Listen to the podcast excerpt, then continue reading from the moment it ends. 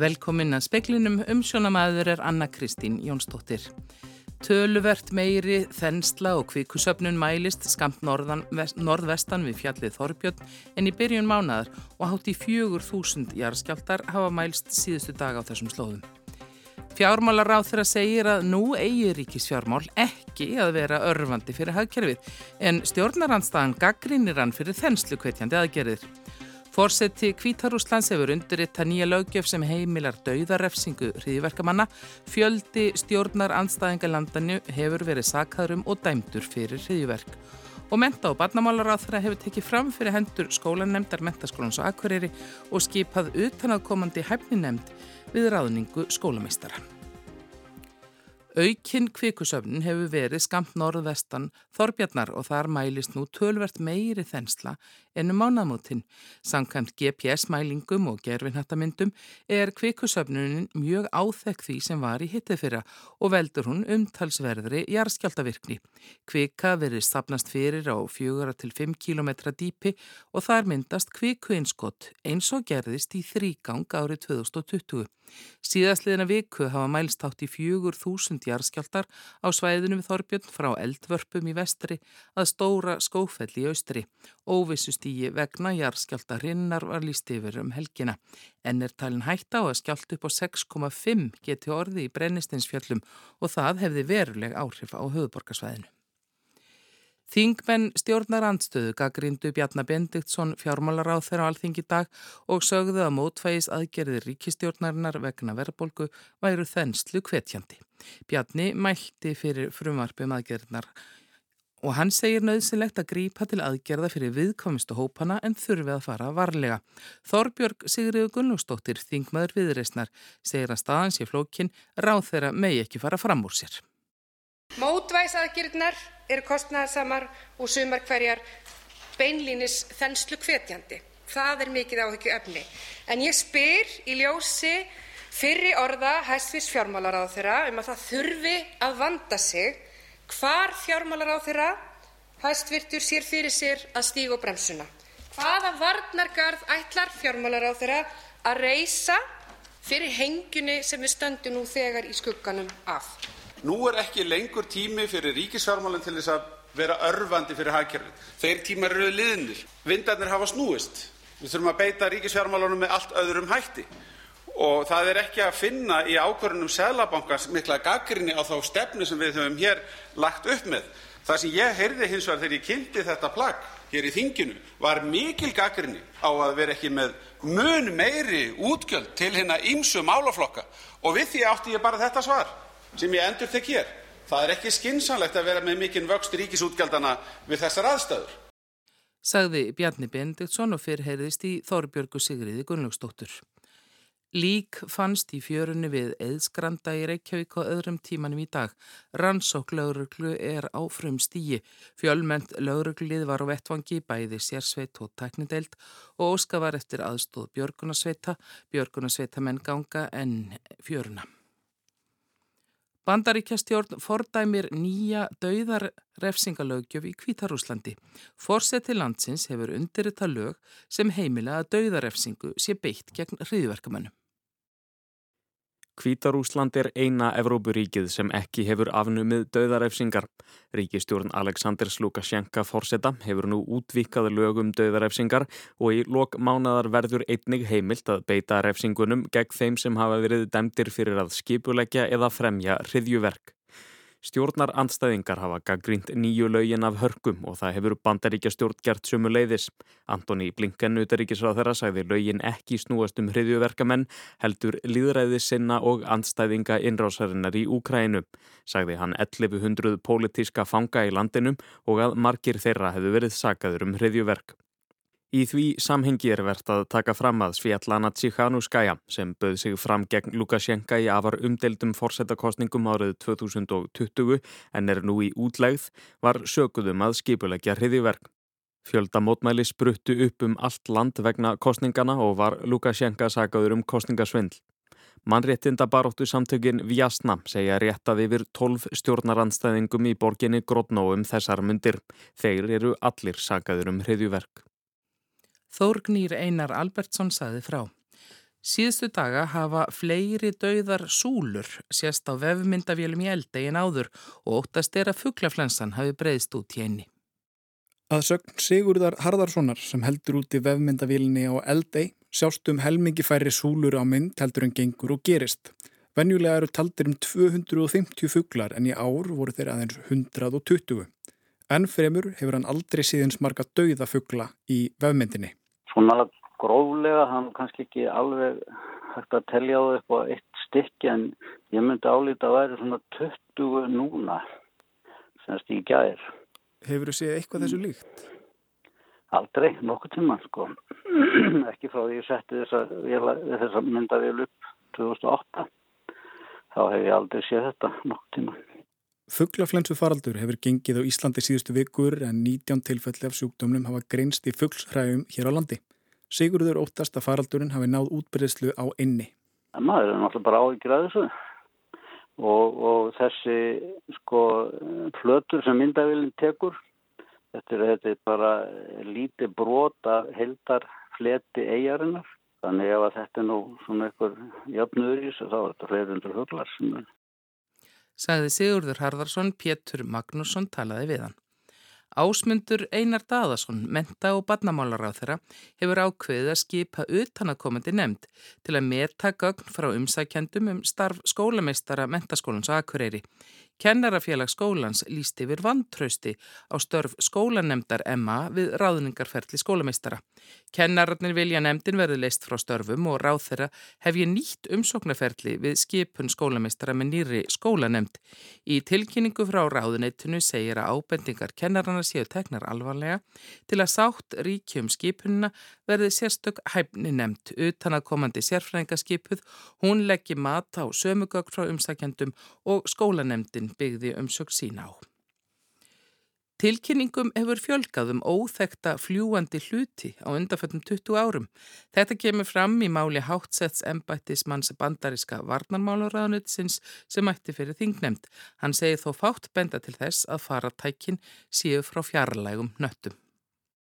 Since the early 2000s, we have seen an increasing number of unauthorized and or unidentified aircraft or objects in military-controlled training areas and training ranges and other designated airspace. Reports of sightings are frequent and continuing. Scott Bray, aðstóðar fórstjóri njósnadeildar bandariska sjóhersins, segir að frá því snemma á eldinni megi greina aukna og vaksandi flugumferð innan æfingasvæða flughersins, jæmt sem annar staður í lofthelginni. Hann þakkar breytt og jákvæðra viðþorf almennings fjölgun tilkynninga á samt aukinni tæknivæðingu. Hins vegar segir hann varnarmálaráðunitið einstís hafa orðið vart sem benti til að farartækin væru ekki smíðuð af jarðarbúum. Á hinbógin vilji ráðunitið ekki heldur útiloka slikt. Í stíslu sem bandarískar leinið þjónustur byrtu í júni á síðast ári kemur fram að engar sannanir séu fyrir að faratækin séu frá fjallægum nöttum. Hins vegar hafi flugmenn séð ímislegt sem ekki hafi fengist skýring á hvað geti verið. Eitthvað að því gæti á sér náttúrulegar orsakir, annað gæti verið háþróuð tilrauna loftför ellendra ríkja á borðið Kína eða Rúsland.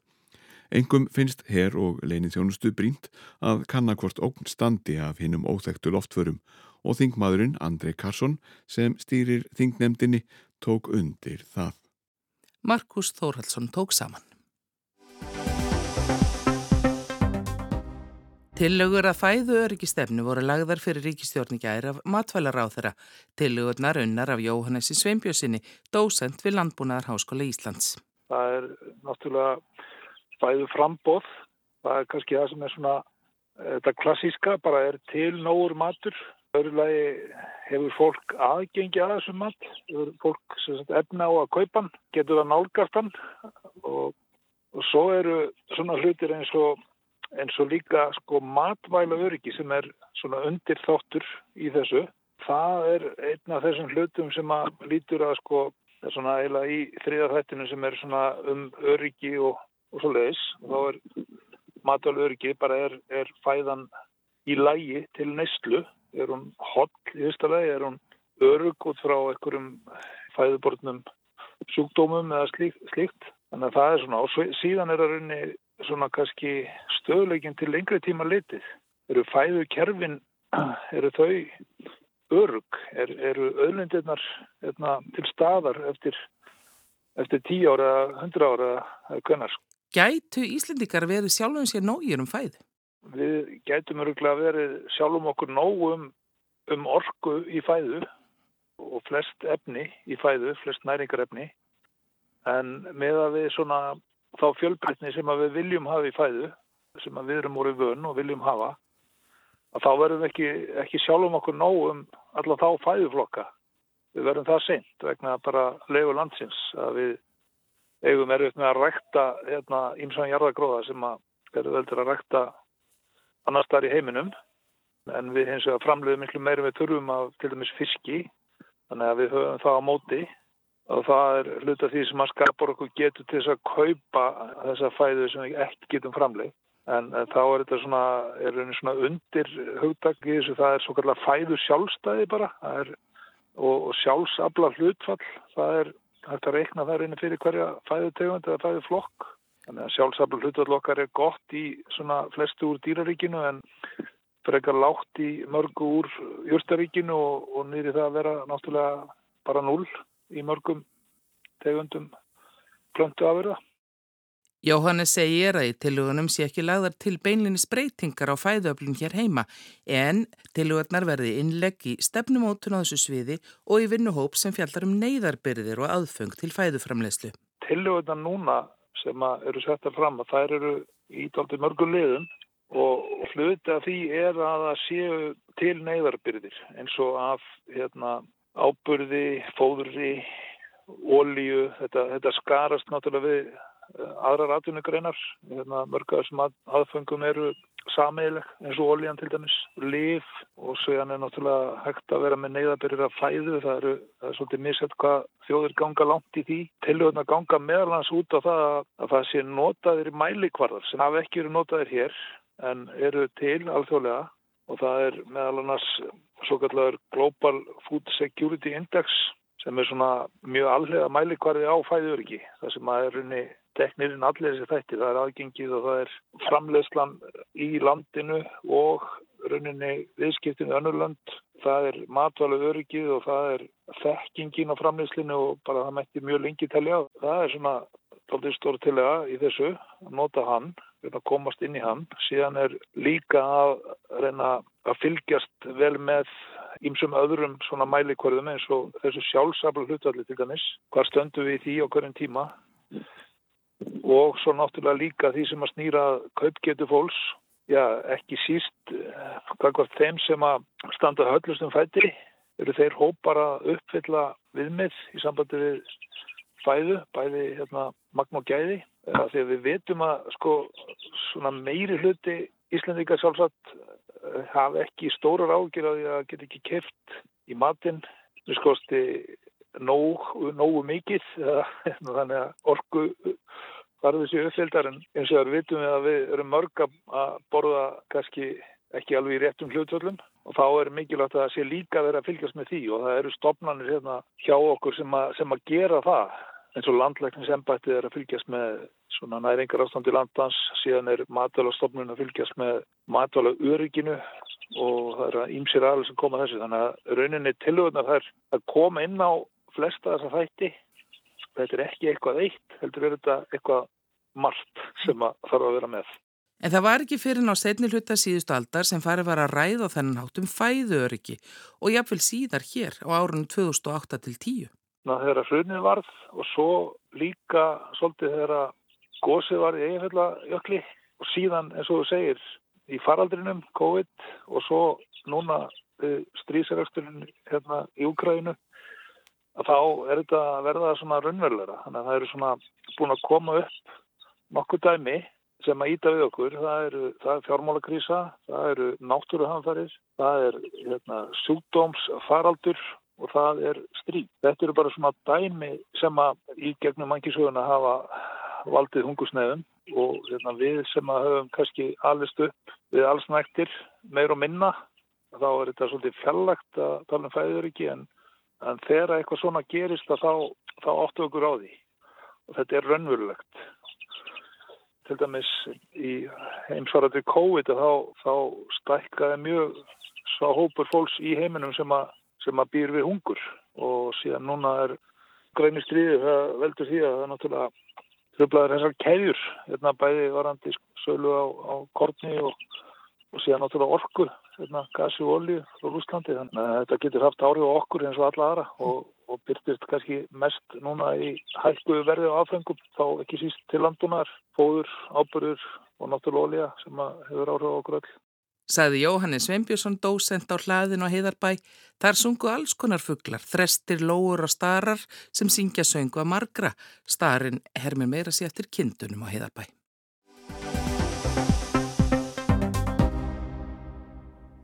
Að minnstakosti 300.000 aðgerði með Botox eða fyllefnum voru gerðar, eru gerðar á ári hverju í Svíþjóð. Eftirlitið var hverfandi og litlar kröfur gerðar til þeirra sem framkvæmdu þar til í fyrra að nýlög voru sett og síðan þá hafa meirinn þúsund tilkynningar eða kvartanir borist til yfirvalda. Kári Gilvason. Á vorin er aðalvertiðin, sagði Amanda Sýberg, hjókunarfræðingur í Stokkólmi við dagins nýheter fyrir skömmu. Þá er allt uppbókað. Sýberg vinnur við að spröyta bótóksi, vöðvaslakandi taugaeitri, sem meðal annars er notað til að sletta úr rukkum. Sýberg hefur unni við þetta í fjöld ára og er, eins og áður segir, hjókunarfræðingur. Þar til nýlega þurfti þó kvorki reynslu nýja mentun í heilbreyðisvísindum til að framkvæma yngripp eins og að spröyta bótóksi í andlitið á fólki eða setja fyllingar í varir. Svipað og gildir um varafyllingar á Íslandi eins og fjallað hefur verið um í kvöldfréttum sjómarsins. Markaðurinn fyrir útlitsaðgerðir eins og varafyllingar, bótóks og skurðaðgerðir hefur vaksið um 15 til 20% á ári undan farin ár í Svíþjóð. Og í skoðanakönnun sem gerð var fyrir nokkrum árum sagðist tæplega þriðjungur svíja geta hugsað sér að fara í fægrunaraðgerð og helmingur þeirra sem voru innan við þrítugt. Því miður ganga svona meðferðir þó ekki alltaf að óskum. Eins og hjá Júliu Humbla, 34 ára konu sem fekk fyllingar í varirnar fyrir nokkrum árum. Varir hennar urðu ójafnar og því hafði hún samband við stofuna. Ákveðið var að spröyta hana aftur og svo einsin enn. Að lókum bólnaði Júlia upp í andleitinu, fekk útbróta á höndum og fótum og átti erfitt með andadrátt. Hún fór á bráðamóttöku þar sem læknar sögðu hana hefnað vera á lífi. Hálsinn hefði getað bólnað upp, öndunavegurinn lokast og hún kapnað. Júlia er sannfærið um að varafyllingarnan hafi verið ástæða þess að hún varð veik en stofan sem hún fór á hafnar því alfarið. Sjálf, segir Júlia, hryllilegt að hún hafi lagt þetta á sig sjálf en hún hafi orðið fyrir miklum áhrifum af áhrifavöldum og fyllingar í varir séu orðnar svo normaliseraðar. Allir séu að gera þetta. Svipaðar sögur byrtast reglulega í sænskum fjölmjölum, stundum af afleiðingum fyllinga, stundum botox, stundum annara aðgerða sem gerðar hafa verið til að breyta einhverjum þáttum í útliti fólks. Fyrir nokkrum árum var til dæmis fjallaðum 40 einstaklinga sem hafði orðið fyrir skada eftir skurðaðgerðir á nefi á engareikinni skurðstofu. Í sumum tilvikum átti fólkið erfitt með að anda eftir aðgerðina, aðrir urðu fyrir taugaskada eða beinbroti í andliti. Einn sjúklingurinn sagði öndunavegin í nefinu svo þröngan að það sé eins og að anda í gegnum sógrur. Þessir sjúklingar og fleiri leituðu til Karolinska sjúkurósins sem tilkynnti skurðlæknin til helbriðisifurvalda og var hann að lokum sviftur lækningaleifi. Við líka sögur eru þó sífælt að koma upp, meðal annars af skurðstofu í Gautaborg þar sem starfar læknir sem virðist einfallega vera lélegur. Hann er ekki sérfræðingur í lítalækningum, þótt hann segist vera það, og virðist ekki vanda sig Einn þeirra kvenna sem leituðu til hans og sænska ríkisjónarpið hefur rætt við segir að læknirinn hafi eigðilagt líf sitt. Eftir aðgerð hjá honum var hún með brjóst sem voru mistór, of mikil fita var tekin af mjöðminni á einum stað og í handakriganum þar sem nú er eins og gat og hefur valdið skada á sogaðakerfinu. Og svo var það strákurinn sem fór í tippastækun réttur umlega tvítugur. Lítalæknirinn sem framkvæmdi aðgerðina hafði farið á eins dags námskeið í því hvernig maður spröytar ákveðinu efni í getnaðarlim svo hann virðist stærri. Aðgerðin tókst ítla og maðurinn hefur glýmt við reiströflanir síðan. Í viðtal við Sænska ríkisónvarpið lísti hann förðu sinni á að svona gæti gerst. Það virtist ríkja algjör lögleisa þegar kæmi að færunaraðgerum. Svo lýsing hans verðist að mörguleiti rétt. Það hafa verið littar kröfur gerðar um ákveðinar færunar meðferðir og lítið eftirlit með þeim. En þeim lögum hefur nú verið breytt. Fyrir um ári tóku gildi ný lög í Svíþjóð sem hveða áum að læknar sem gera ingripi í færunarskynni þurfi að vera sér hæfðir í slíkum aðgerðum. Í lögunum er einning fjallaðum meðferðir á borð við varafyllingar og botox Í nýju lögunum eru slíkar meðferðir flokkaðar sem heilbriðistjónusta og gerð krafa um að henni sé synd af heilbriðis starfsfólki, fólki með starfsleifi sem læknar, tannlæknar eða hjókunarfræðingar. Með tilkomi nýju lagana er hægt að tilkynna misbresti til stofnunar sem hefur eftirlit með heilbriðistjónustu og í fyrra bárust rúmlega 1200 tilkynningar vegna útlitsaðgerða. Átján einstaklingar hafa í framhaldinu verið kærðir til lauruglu.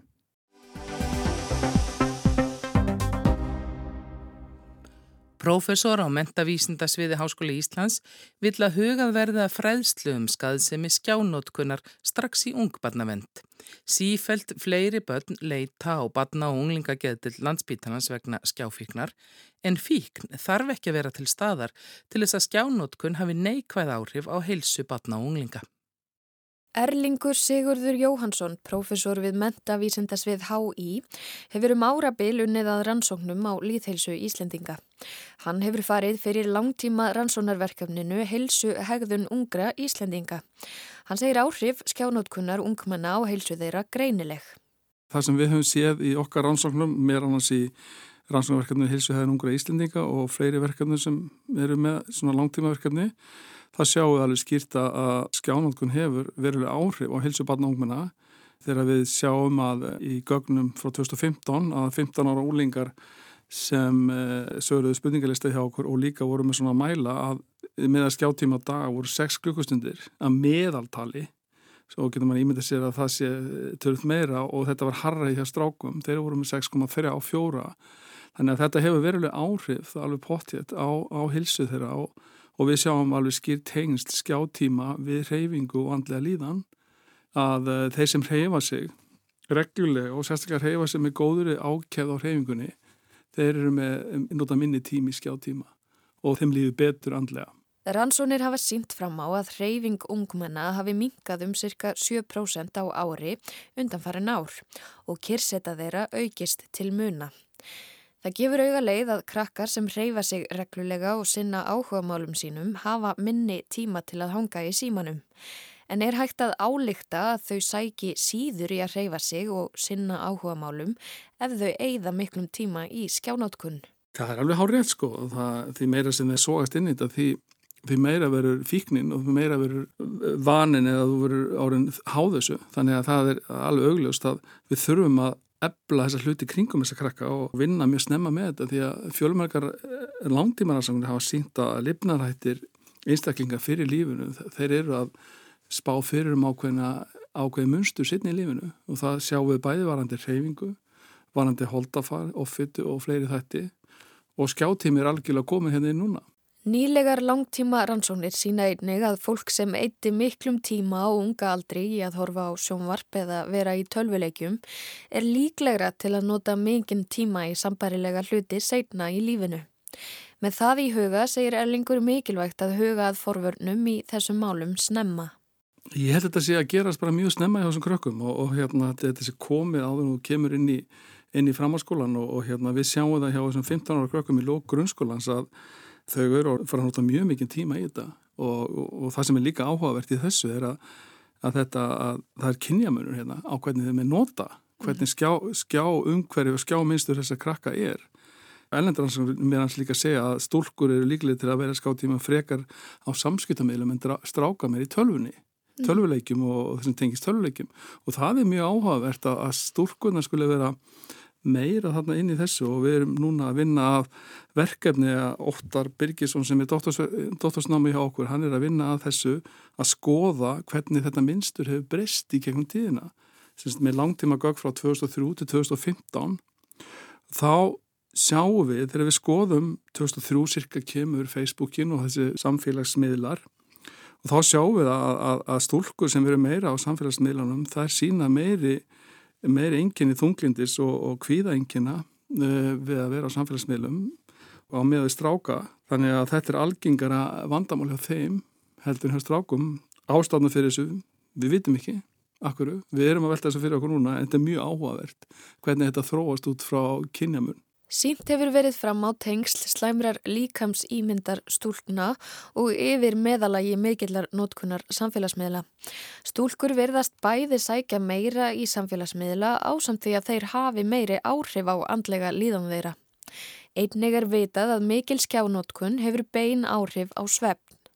Þá skiptir ekki endilega máli hvort um sé að ræða samfélagsmiðla eða tölvuleiki. Skert gæði og lengt sveps hafa svo bein áhrif á heilsu ungmennana.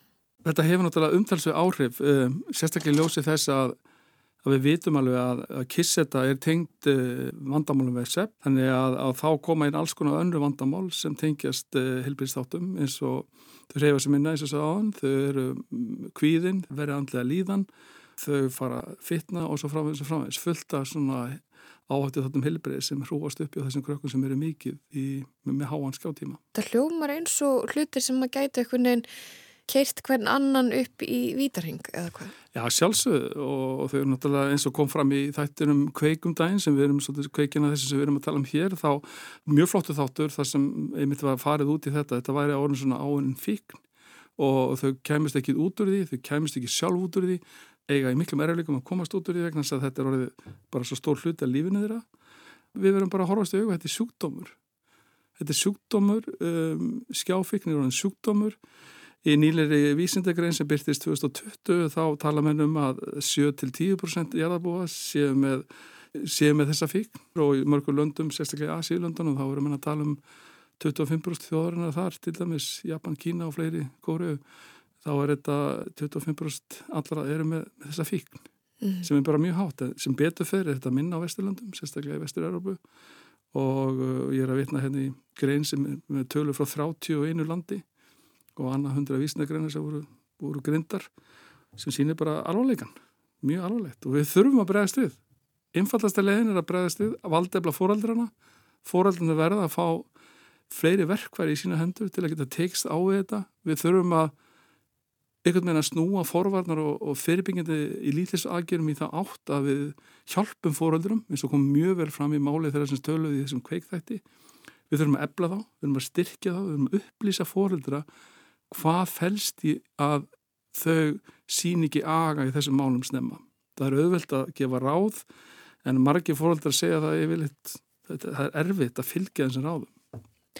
Er það ekki svolítið erfitt að því að við erum kannski sjálfa kljást við eitthvað svona skjáfíkn?